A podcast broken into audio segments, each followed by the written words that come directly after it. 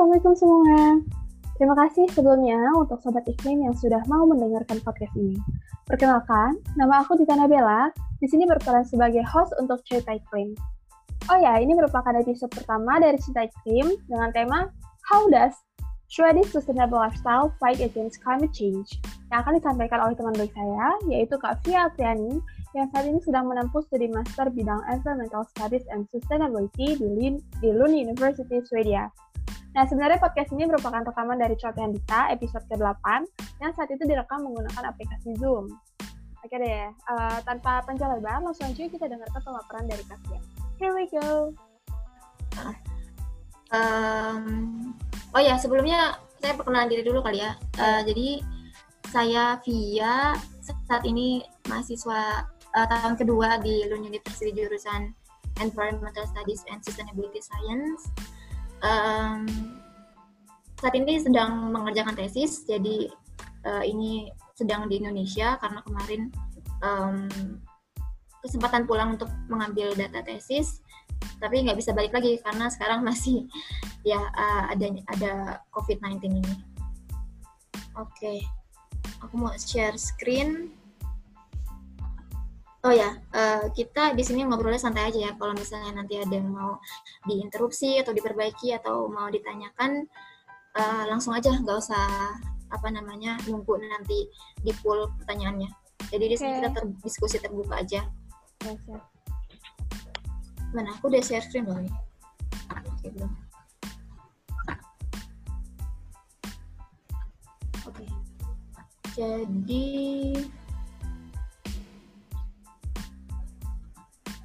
Udah kelihatan filenya? Udah, Kak. Hmm. Oke. Okay. Uh, eh, ada yang tahu ini siapa? Tadi Dita udah sempat nyebut sih sebenarnya. Greta.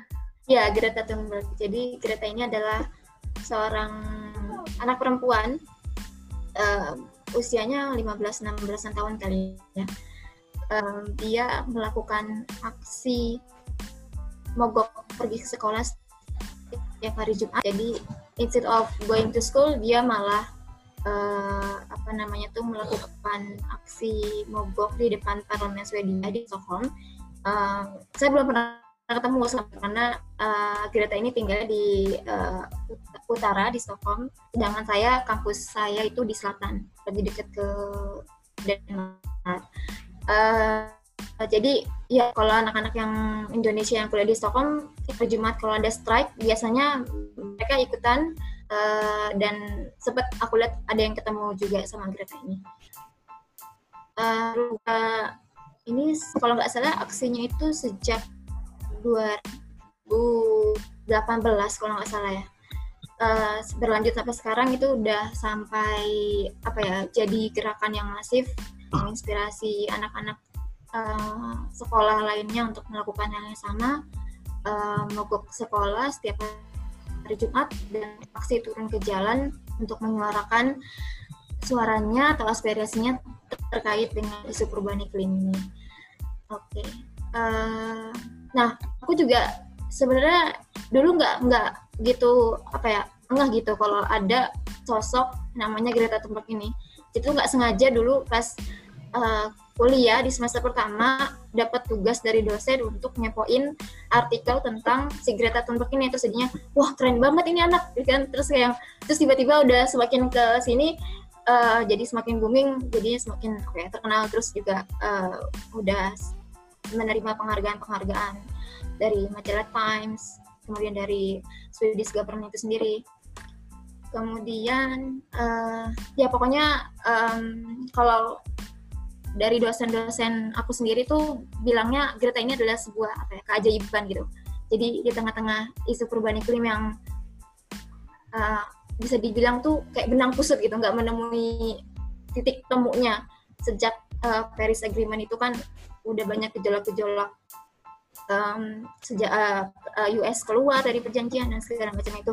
Nah, tapi tiba-tiba si Greta ini bisa uh, apa ya stand up gitu untuk apalagi menyuarakan hak uh, generasi di usianya gitu karena kan memang isu perubahan iklim ini adalah isu yang uh, lintas generasi gitu yang yang mana yang akan terkena dampaknya adalah dari um, anak-anak seusia Greta Thunberg dan anak-anak um, di bawahnya ini.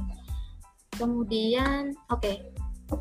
kenapa sih uh, di sini ada yang belum pernah dengar perubahan iklim atau climate change atau sekarang malah disebutnya climate crisis ya, climate emergency, bukan climate change lagi. Mungkin uh, um, insya Allah udah udah pada dengar semua kali ya, udah udah tahu semua tentang isu perubahan iklim ini. Nah, uh, dari yang aku pelajari di kelas ini ada uh, lima poin yang mesti kita ingat kalau kita uh, berbicara mengenai perubahan iklim. Ini fotonya diambil dari uh, blog dosen aku. Uh, beliau ini bisa dibilang apa ya sudah sangat terkenal juga di bidang perubahan iklim uh, dan menjadi dosen di uh, tempat aku kuliah sekarang. Jadi beliau ini merumuskan ada lima poin yang harus kita ingat ketika kita diskusi tentang perubahan iklim. Yang pertama, dan uh, kalau it's warming. Jadi ya perubahan iklim ini kita merasakan apa ya kenaikan suhu yang itu uh, berakibat pada kita merasakan bahwa uh, manusia yang hidup di bumi ini itu sudah merasakan bahwa temperatur bumi ini sudah meningkat. Dan itu juga sudah diteliti oleh uh, ilmuwan-ilmuwan iklim internasional yang tergabung dalam dalam um, IPCC atau Intergovernmental Panel on Climate Change. Jadi memang uh, sejak um, sampai periode kan kita kan kita mengenal adanya periode Holosen, Antroposen atau periode apa namanya uh, peradaban manusia ini. Jadi sejak itu kita sudah merasakan ada peningkatan suhu bumi dan itu diteliti uh, dan ternyata yang penyebabnya adalah yang paling berkontribusi itu faktor manusia itu sendiri yaitu kita. Uh, jadi it's us yang menyebabkan perubahan iklim itu. Um, dan ini mungkin teman-teman juga udah sering dengar kali ya beberapa faktor uh, penyumbang emisi gas rumah kaca terbesar kayak misalnya fossil fuel, kemudian dari pertanian karena dari proses pembusukan sisa-sisa hasil panen, kemudian juga dari uh, gas metan dari peternakan, peternakan sapi dan sebagainya. Kemudian um, juga uh, apa namanya tuh faktor-faktor lainnya yang berkontribusi terhadap uh, peningkatan gas rumah kaca di atmosfer. Uh, nah, yang ketiga, poin yang ketiga itu adalah we are sure. Jadi uh, peneliti-peneliti peneliti-peneliti iklim di dunia ini mereka um, apa ya sudah yakin bahwa penelitian yang dilakukan selama bertahun-tahun untuk mengobservasi tentang perubahan iklim ini, um, mereka yakin kalau memang um, kita manusia adalah faktor yang menyebabkan adanya kenaikan suhu bumi ini, bukan dari faktor alam atau siklus uh, natural yang uh, berperiodik, misalnya ber uh, 100 tahun atau dua beribu-ribu tahun lamanya gitu. Uh, jadi di sini juga uh, aku dengar ada suatu konsensus dari ilmuwan iklim bahwa 97%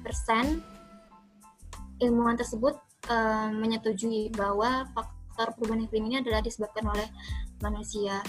Jadi um, ada grafiknya itu kalau nggak salah dari NASA.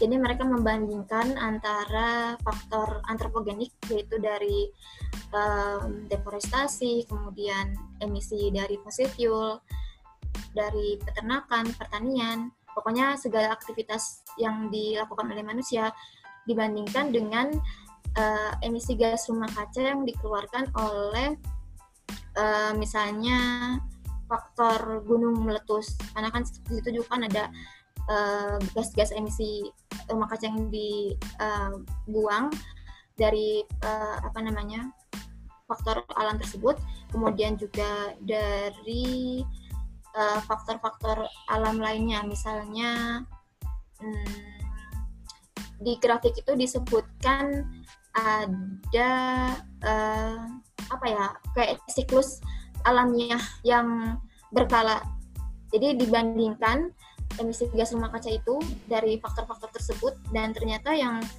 uh, paling mendekati grafiknya dengan uh, peningkatan suhu bumi itu adalah dari emisi gas rumah kaca yang dikeluarkan oleh faktor manusia bukan faktor alami. Jadi dari situ kita udah apa ya yakin gitu kalau memang uh, saintis-saintis iklim itu juga udah reveal gitu menunjukkan bahwa ya kita manusia berkontribusi terhadap emisi gas rumah kaca.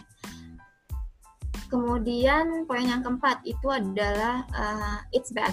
Jadi dampak perubahan iklim itu sendiri ya seperti kita tahu sekarang mungkin teman-teman juga udah sering banyak lihat di medsos atau di apa namanya di uh, atau radio atau podcast. Jadi memang dampaknya ini sangat banyak gitu ya. Dan itu bisa menimbulkan dampak-dampak yang sistematis. Jadi nggak cuma nggak cuma uh, sektoral terkotak-kotak dampaknya. Karena kita di, hidup di sistem planet bumi yang mana itu adalah semuanya terkoneksi gitu. Jadi um, kalau kita berbicara mengenai dampak perubahan iklim nggak um, cuma sekedar suhu yang meningkat kemudian kita merasakan lebih panas uh, dan sebagainya tapi uh, bisa ini merembet ke dampak-dampak lainnya seperti misalnya uh, peningkatan kadar karbon dioksida itu bisa mempengaruhi uh, resistensi tanaman terhadap hama dan sebagainya. Kemudian juga mempengaruhi tumbuh uh, pertumbuhan dari tanaman itu sendiri. Uh, itu sudah ada juga penelitiannya um, kemudian juga kita tahu bahwa uh, kemarin contohnya di Jakarta Januari tahun ini kan itu kita menghadapi suatu musibah yang benar-benar tidak orang tidak memprediksi dan tidak uh, terperi, terperkira, terperkirakan dampaknya bahwa itu sangat-sangat um, apa ya akut dan uh, berdampak luas ke masyarakat sekitar Jakarta dan Jabodetabek itu. Um, jadi kenapa itu bisa dikaitkan dengan perubahan iklim? Karena um, itu ada namanya uh, hukum termo, termodinamika dan itu ada namanya hukum Copernicus Law. Jadi uh, hukum itu menyebutkan bahwa peningkatan um, temperatur bumi itu akan membuat atmosfer kita di bumi ini menghold atau menahan uh, uap yang uap air yang di evaporasi atau diserap dari badan-badan air yang ada di bumi seperti misalnya dari laut kemudian dari danau itu jadi lebih meningkat. Um, jadi dampaknya itu ya hujan torrential rain itu yang kemarin kita alami di Jakarta. Uh, jadi hujannya tiba-tiba langsung um, deras dengan intensitas yang sangat tinggi, tapi harinya pendek. Jadi seketika itu juga langsung ya banjir gitu. Kemudian dampak lainnya adalah kekeringan juga tadi karena um, uap air yang ditahan oleh atmosfer bumi jadi semakin meningkat sehingga pada saat musim kemarau justru um, kita malah kekurangan air gitu. Kemudian juga kalau di uh, belahan bumi utara itu kita juga tahu lah ya kalau misalnya suhu bumi meningkat pasti uh, berpengaruh terhadap gletser atau um, es di kutub utara. Jadi memang sudah ada penelitiannya juga di situ. Uh, dari tahun ke tahun tutupan es di kutub utara semakin menipis. Uh, ini sebenarnya aku nggak mau banyak bicara tentang data uh, dan apa ya hasil penelitian yang rumit itu istilahnya. Karena kan ini kan temanya tentang uh, lifestyle ya. Jadi tapi sebisa mungkin aku pengen share dulu kenapa kita harus paham uh, kenapa kita harus um, menuju hidup yang sustainable seperti yang orang-orang Swedia lakukan dengan um, apa yang kita krisis lingkungan yang kita alami saat ini. Nah, kemudian yang um, poin kelima itu adalah dengan perubahan iklim yang disebabkan oleh faktor manusia ini ya kita berarti kita bisa juga apa ya istilahnya itu menghil bumi atau mengatasi perubahan iklim ini dengan ya kita sendiri gitu. Jadi uh, kita yang berkontribusi ya berarti kita juga harus yang bertanggung jawab terhadap emisi gas rumah kaca yang kita uh, keluarkan tersebut. Kemudian ya kenapa sih kita harus peduli dengan isu perubahan iklim? Ya tadi karena kita uh, yakin di poin dua kalau itu adalah uh, kita yang menyebabkan itu faktor manusia. Dan di sini kalau kita manusianya itu sendiri yang sudah berbuat uh, menghasilkan emisi gas rumah kaca, merusak lingkungan, tapi kitanya malah uh, abai atau tidak mau bertindak ya siapa lagi gitu yang mau uh, kita andalkan untuk melakukan perubahan terhadap krisis yang kita alami saat ini. Oke, okay. kemudian uh, kalau tadi kita udah berbicara tentang um, poin perubahan iklim, sekarang kita sebagai individu bukan untuk um, memerangi isu perubahan iklim ini. Nah, jadi um, di sini ada konsep namanya sustainability, jadi konsep berkelanjutan. Uh, ini juga udah uh, cukup familiar mungkin ya teman-teman di Indonesia atau mungkin juga sudah banyak misalnya label-label produk atau uh, yang lainnya itu yang apa ya uh, mengatasnamakan sustainable sustainable untuk uh, hidup yang ramah lingkungan. Nah, jadi konsep sustainability itu artinya adalah kita memanfaatkan sumber daya yang ada di bumi sekarang tanpa mengkompromis atau uh, apa ya put the future generation at risk untuk kekurangan atau bahkan uh, menerima dampak dari sumber daya yang kita uh, gunakan sampai saat ini. Jadi uh, di konsep sustainability ini kita juga mengenal adanya pilar ekonomi, lingkungan, dan sosial di mana uh, ketiganya kalau yang mainstream itu ketiganya harus seimbang. Uh, tapi sebenarnya apa ya itu tergantung dari pemikiran-pemikiran atau konsep-konsep uh, tentang sustainability yang kita pahami itu sendiri. Jadi ada yang nanti kalau misalnya teman-teman tertarik belajar tentang sustainability science itu ada aliran yang soft sustainability, ada yang hard sustainability. Jadi kalau yang soft itu benar-benar yang harus apa ya? Ya udah lingkungan itu kita harus uh, letakkan pada premisi atau di tempat utama. Um, kemudian kalau oh tadi itu yang hard hard sustainability. Nah kalau yang soft sustainability ini um, dia masih bisa memanfaatkan lingkungan untuk pertumbuhan ekonomi dan kesejahteraan sosial. Nah, jadi gitu. Uh, kemudian terkait dengan sustainable lifestyle yang kita uh, tahu saat ini itu di Swedia adalah suatu negara yang mendapat predikat sebagai negara yang paling sustainable atau berkelanjutan di dunia. Itu berdasarkan pemeringkatan dari uh, suatu institusi namanya Robeco SEM ini tahun 2018 pemeringkatannya. Jadi institusi ini melakukan pemeringkatan um, sustainability ranking terhadap negara-negara di dunia berdasarkan tiga aspek yaitu environmental, social, and governance atau tata kelola pemerintahan.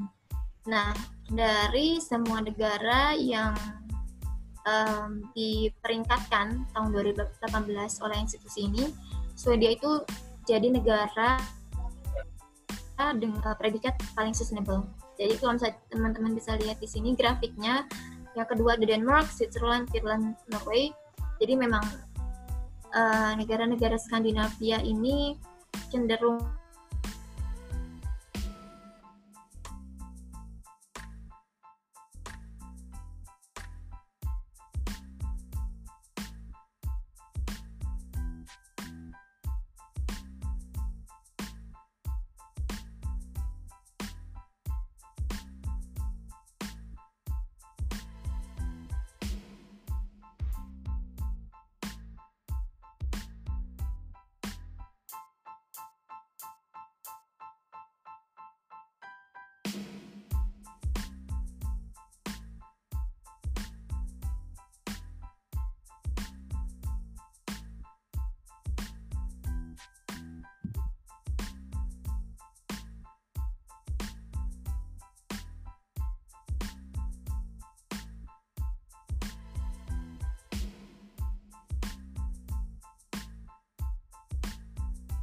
oh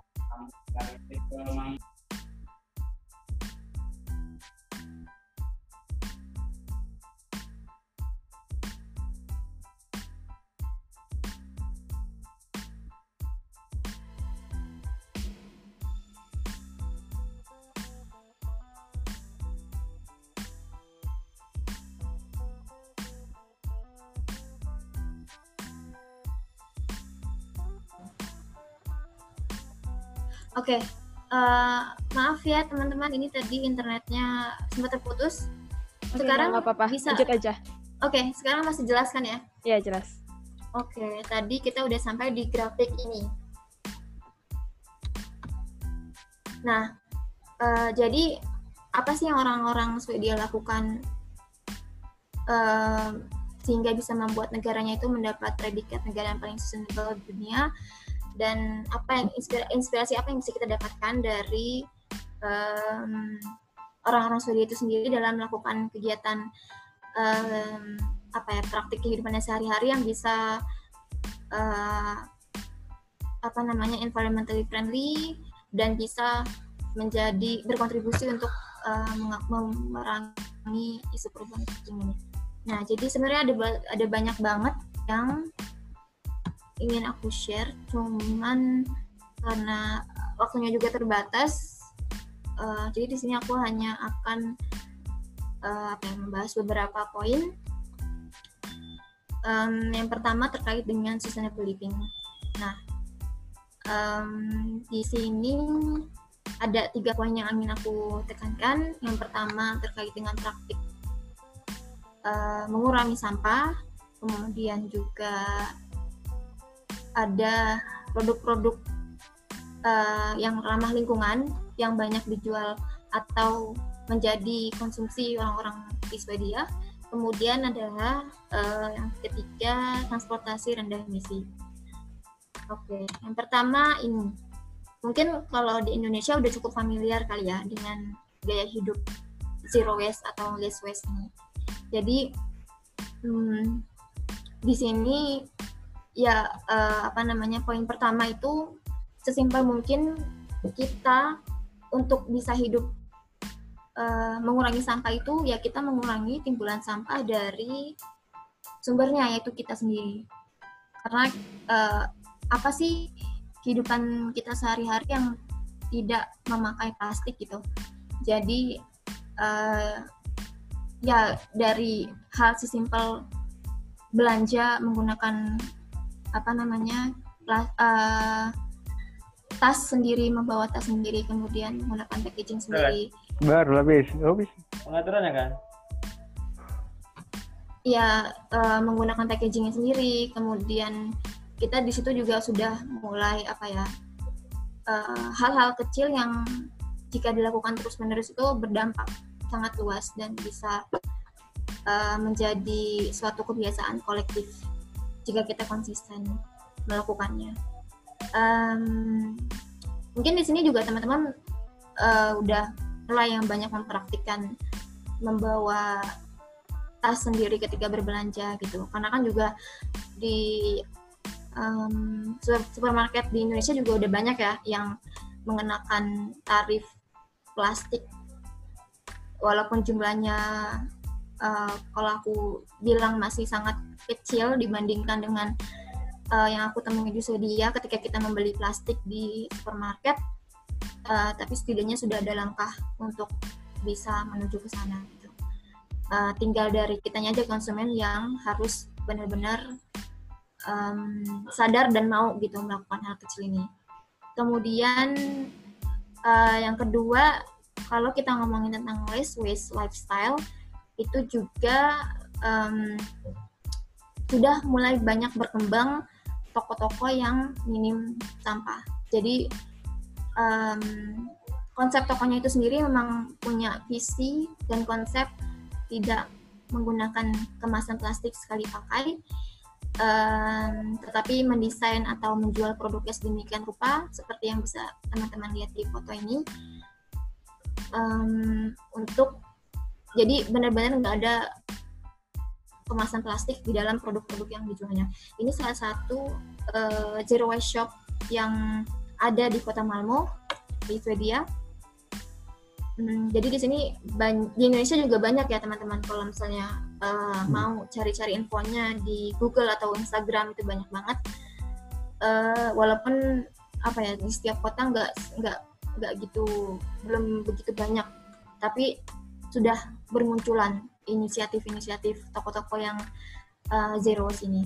Ini uh, jadi memang apa ya yang dijual di zero shop ini juga macam-macam gitu Gak cuma produk makanan tapi juga produk toiletries kemudian juga kayak misalnya produk-produk uh, kecantikan dan uh, segala macamnya kemudian di sini ada nggak yang pernah belanja di toko yang zero waste mungkin bisa sharing atau uh, pernah tahu gitu ada toko zero waste shop Uh, aku tahu sih kak, cuman uh, belum pernah ke sana. Jadi uh, ada temen yang buat menjual kayak toko kelontong gitu di daerah Yogyakarta. Dan uh, kalau aku lihat dari Instagram story-nya sih memang dia menerapkan uh, sustainable lifestyle gitu sih. Jadi tokonya didesain uh, tadi mengurangi plastik contohnya gitu. Hmm. Okay.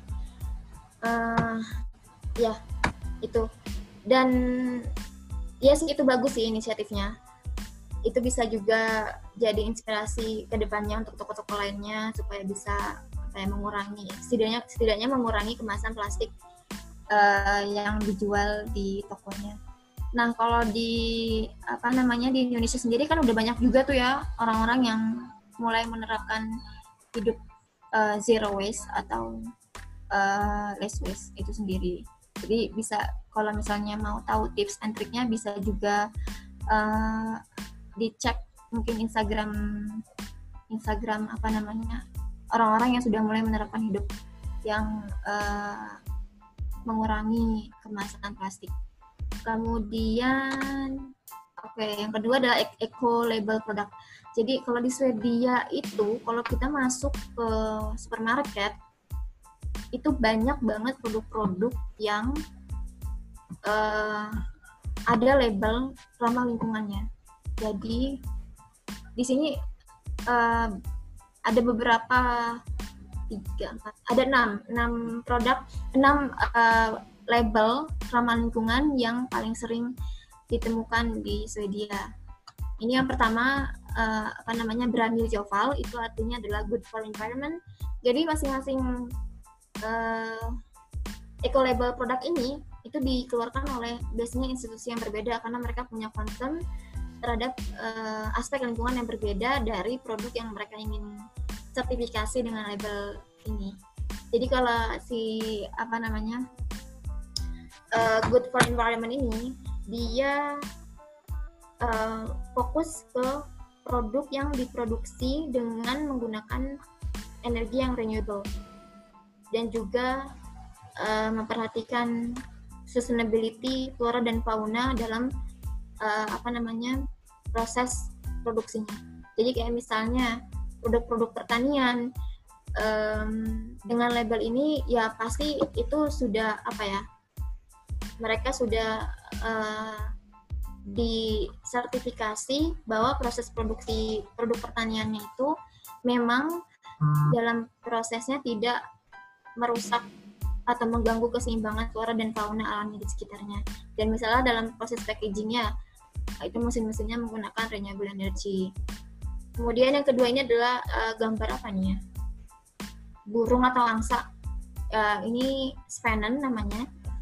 Jadi ini adalah uh, suatu label yang bekerja untuk pemerintahan Swedish untuk uh, apa ya mengadres atau concern terhadap isu-isu terkait sustainable productions and consumptions. Kemudian yang ini yang ada gambar daun dan bintang-bintang ini itu uh, eco label dari European Union. Uh, jadi di sini disebutkan bahwa produk dengan label ini uh, artinya sudah memenuhi standar lingkungan yang tinggi, terutama dari uh, life cycle atau apa namanya siklus uh, barang atau produk tersebut diproduksi.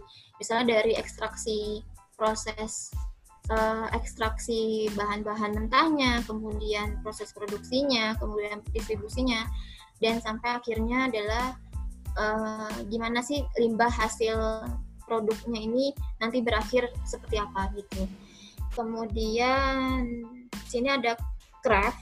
Craft ini ini juga terkenal di Swedia karena uh, mereka concern terhadap produk-produk yang selain ramah lingkungan juga uh, peduli terhadap kesejahteraan hewan, kemudian juga kesehatan manusia dan juga uh, social responsibility dalam proses produksinya. Kemudian yang kedua terakhir ini spesifik ke produk uh, perikanan Marine Sustainable Certificate dan FSC. Uh, ini terkait dengan produk-produk uh, Forest Stewardship Council yang mengeluarkan label tersebut. Nah, yang ketiga adalah low carbon transportation.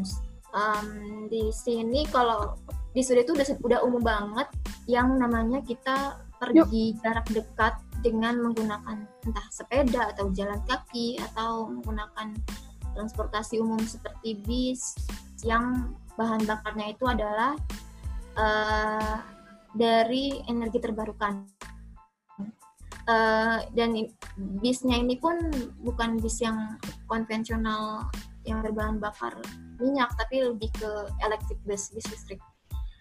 Um, kemudian, ya tadi ini ada apa namanya uh, cycling behavior. Jadi selain lebih mengutamakan menggunakan transportasi umum juga mereka lebih uh, sering menggunakan sepeda. Kayak misalnya untuk anak kecil juga ada banyak banget uh, apa sepeda-sepeda gerobak ini untuk mengangkut anak-anak balita jalan-jalan gitu.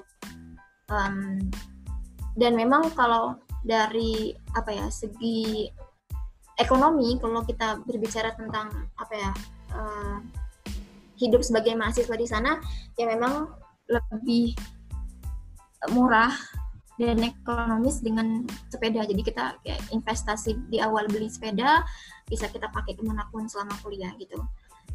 Uh, dan juga asik gitu, seru jalan-jalan di uh, Swedia dengan um, apa namanya bersepeda ini. Kemudian uh, kedua adalah tentang sustainable diet um, di sini aku mau bahas tentang sebenarnya ada banyak poin yang uh, aku lingkup dalam tema sustainable diet ini. Tapi di sini aku hanya akan membahas dua poin yaitu adalah plant based food atau produk uh, pangan berbasis tanaman dan yang kedua adalah uh, pangan organik. Yang ini Hmm, nah, kalau kalian mungkin pernah dengar ya kalau orang Swedia itu paling apa ya suka menjadi vegetarian atau veganisme. Jadi karena memang selain didukung oleh faktor ketersediaan produk vegetarian dan vegan, itu juga didukung oleh kampanye-kampanye yang dilakukan oleh aktivis-aktivis. Biasanya itu aktivis yang mereka peduli terhadap animal rights atau hak-hak uh, hewan. Jadi uh, mereka uh, dengan filosofis bahwa hewan itu sebenarnya uh, apa ya hewan produk-produk hewan yang kita makan yang kita temui di pasaran atau di supermarket itu iya, diproduksi dengan cara uh, yang tidak memperhatikan kes kesejahteraan hewan gitu. atau tidak berperi ke animalan gitu istilahnya. Uh, jadi dengan filosofis itu mereka banyak yang memutuskan untuk menjadi vegetarian dan vegan. Dan kalau aku lihat di um, teman-temanku yang Swedish di kelas itu memang mayoritas mereka uh, either vegetarian or vegan. Dan uh, di sini ada data bahwa uh, orang-orang Swedia pada tahun 2017 mungkin ada update yang lebih terbarunya tapi ini aku nemunya yang 2017 uh, telah mengurangi konsumsi dagingnya sekitar berapa? 4,8 pon. Itu 2,5 kilo kali ya. Uh, pada tahun 2017 kemudian uh, nah tadi selain adanya kampanye dari aktivis uh, yang sangat memperhatikan hak-hak hewan, juga banyak sekali produk-produk makanan, minuman yang kita temui yang itu emang tidak mengandung apa ya produk-produk hewani seperti telur, susu, daging gitu.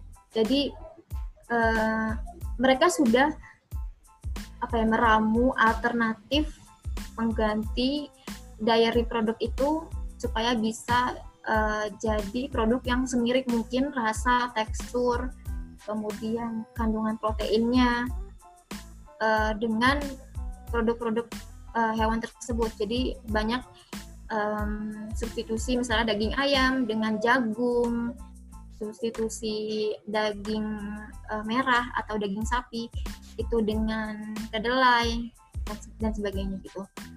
Jadi kalau apa ya itu surga banget sih kalau untuk teman-teman di sini vegetarian atau vegan untuk bisa belanja di supermarket di Swedia. Uh, kemudian ya bahkan susu pun mungkin kalau teman-teman pernah dengar Oatly susu Oatly yang diproduksi dari Swedia itu juga uh, apa namanya tidak berasal dari susu hewan tapi dari tanaman oats gitu dan itu rasanya pun lumayan nggak kalah gitu nggak kalah enak dengan yang biasa kita konsumsi dari produk hewan. Kemudian uh, organic food. Tadi selain uh, plant-based food, di sini kita juga mengenal banyak uh, pangan organik. Jadi produk-produk organik uh, yang misalnya kalau dari tanaman itu dia proses produksinya tidak menggunakan pestisida, tidak menggunakan pupuk kimia, kemudian tidak menggunakan bibit yang di uh, yang telah uh, direkayasa atau genetically modified organisms. Kemudian kalau dari organic meat di sini uh, bisa mungkin bisa dilihat juga ada label di sini ayam. Itu juga diproduksi daging daging yang organik itu diproduksi dengan cara tadi kurang lebih sama. Mereka tidak di beri pakan yang uh, tidak organik. Kemudian jadi pakannya harus organik kemudian juga uh, apa namanya tidak diberi antibiotik atau hormon-hormon pertumbuhan yang sifat sifatnya kimiawi.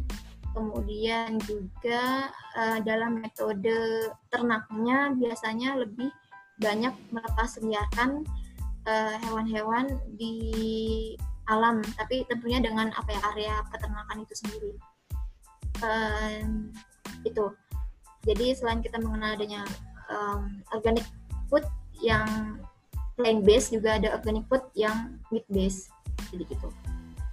Um, oke yang kedua ini adalah tentang sustainable second hand. Jadi um, dengan membeli produk-produk yang bekas tapi masih bisa digunakan, bisa berfungsi dan bisa memenuhi kebutuhan kita akan barang tersebut um, itu ya bisa kita katakan sustainable. Jadi daripada kita membeli yang baru which is kalau barang baru itu kan biasanya mereka diproduksi dari virgin material materi yang masih apa ya uh, siklus hidupnya tuh baru satu kali gitu. Kalau kita membeli barang-barang bekas di sini yaitu kita menggunakan kembali barang yang sudah dipakai oleh orang lain tanpa menghilangkan fungsi dan kualitas dari barang itu sendiri. Uh, nah, kalau di Swedia tuh banyak banget bakal kita temuin toko-toko. Kalau kita di sini bilangnya toko loak kali ya, toko-toko barang bekas uh, yang kalau di Jakarta itu kita sering banyak ditemui di pasar Senen kalau nggak salah ya yang menjual barang-barang second hand itu. Nah kalau di Sudan ini banyak banget yang dia bentuknya tuh kayak semacam toko-toko yang itu ya bisa dikatakan sangat uh, high quality. Ya seperti toko-toko pada umumnya gitu. Seperti nggak ada bedanya dengan toko yang menjual barang-barang baru. Jadi uh, di sini juga barang-barang yang dijual pun berkreatif gitu. Jadi nggak cuma baju atau buku tapi juga furniture kemudian apa namanya ya barang-barang uh, peralatan dapur gelas uh, piring dan sebagainya itu. Nah di sini yang tadi aku sebutin second hand stuff ini di gambar yang kiri ini um, diambil dari salah satu mall yang menjual mall pertama di dunia katanya sih yang pertama di dunia menjual barang-barang bekas gitu. Jadi bisa dibayangin nggak? Sebagus ini tapi ini bekas itu jadi kayak yang tanpa menghilangkan fungsi um, estetik maupun fungsi dari barang itu sendiri kita bisa membeli barang yang uh, tanpa kita perlu beli yang baru gitu. Dan dari segi ekonomi pun menurut aku lebih murah second hand stuff ini. Jadi uh, bisa banyak saving daripada membeli yang baru. Uh, selain tidak ramah lingkungan juga um, apa ya bisa menghemat uh, kantong gitu. Kemudian juga ini yang tadi aku bilang banyak toko-toko second hand yang yang nggak kalah bagus kualitasnya dengan toko-toko yang menjual barang-barang baru. Di sini uh, banyak banget kalau di di apa yang tersebar di kota-kota di Swedia kalau di kota Lund itu sendiri juga berapa kali lima lebih lebih dari lima mungkin yang uh, toko-toko yang menjual barang-barang ini. Kemudian, oke. Okay. Uh, eh, nah ini aku ada video tentang poin kedua itu sustainable fashion. Jadi kenapa sih uh, dengan membeli? Oke, okay, terima kasih banyak buat teman-teman semua yang udah mendengarkan sampai akhir. Semoga uh, kita bisa mendapatkan banyak insight dan bisa kita terapkan dalam kehidupan kita sehari-hari untuk menerapkan uh, sustainable lifestyle. Uh, sekian untuk episode kali ini. Sampai jumpa di episode selanjutnya. Thank you. Bye. Assalamualaikum warahmatullahi wabarakatuh.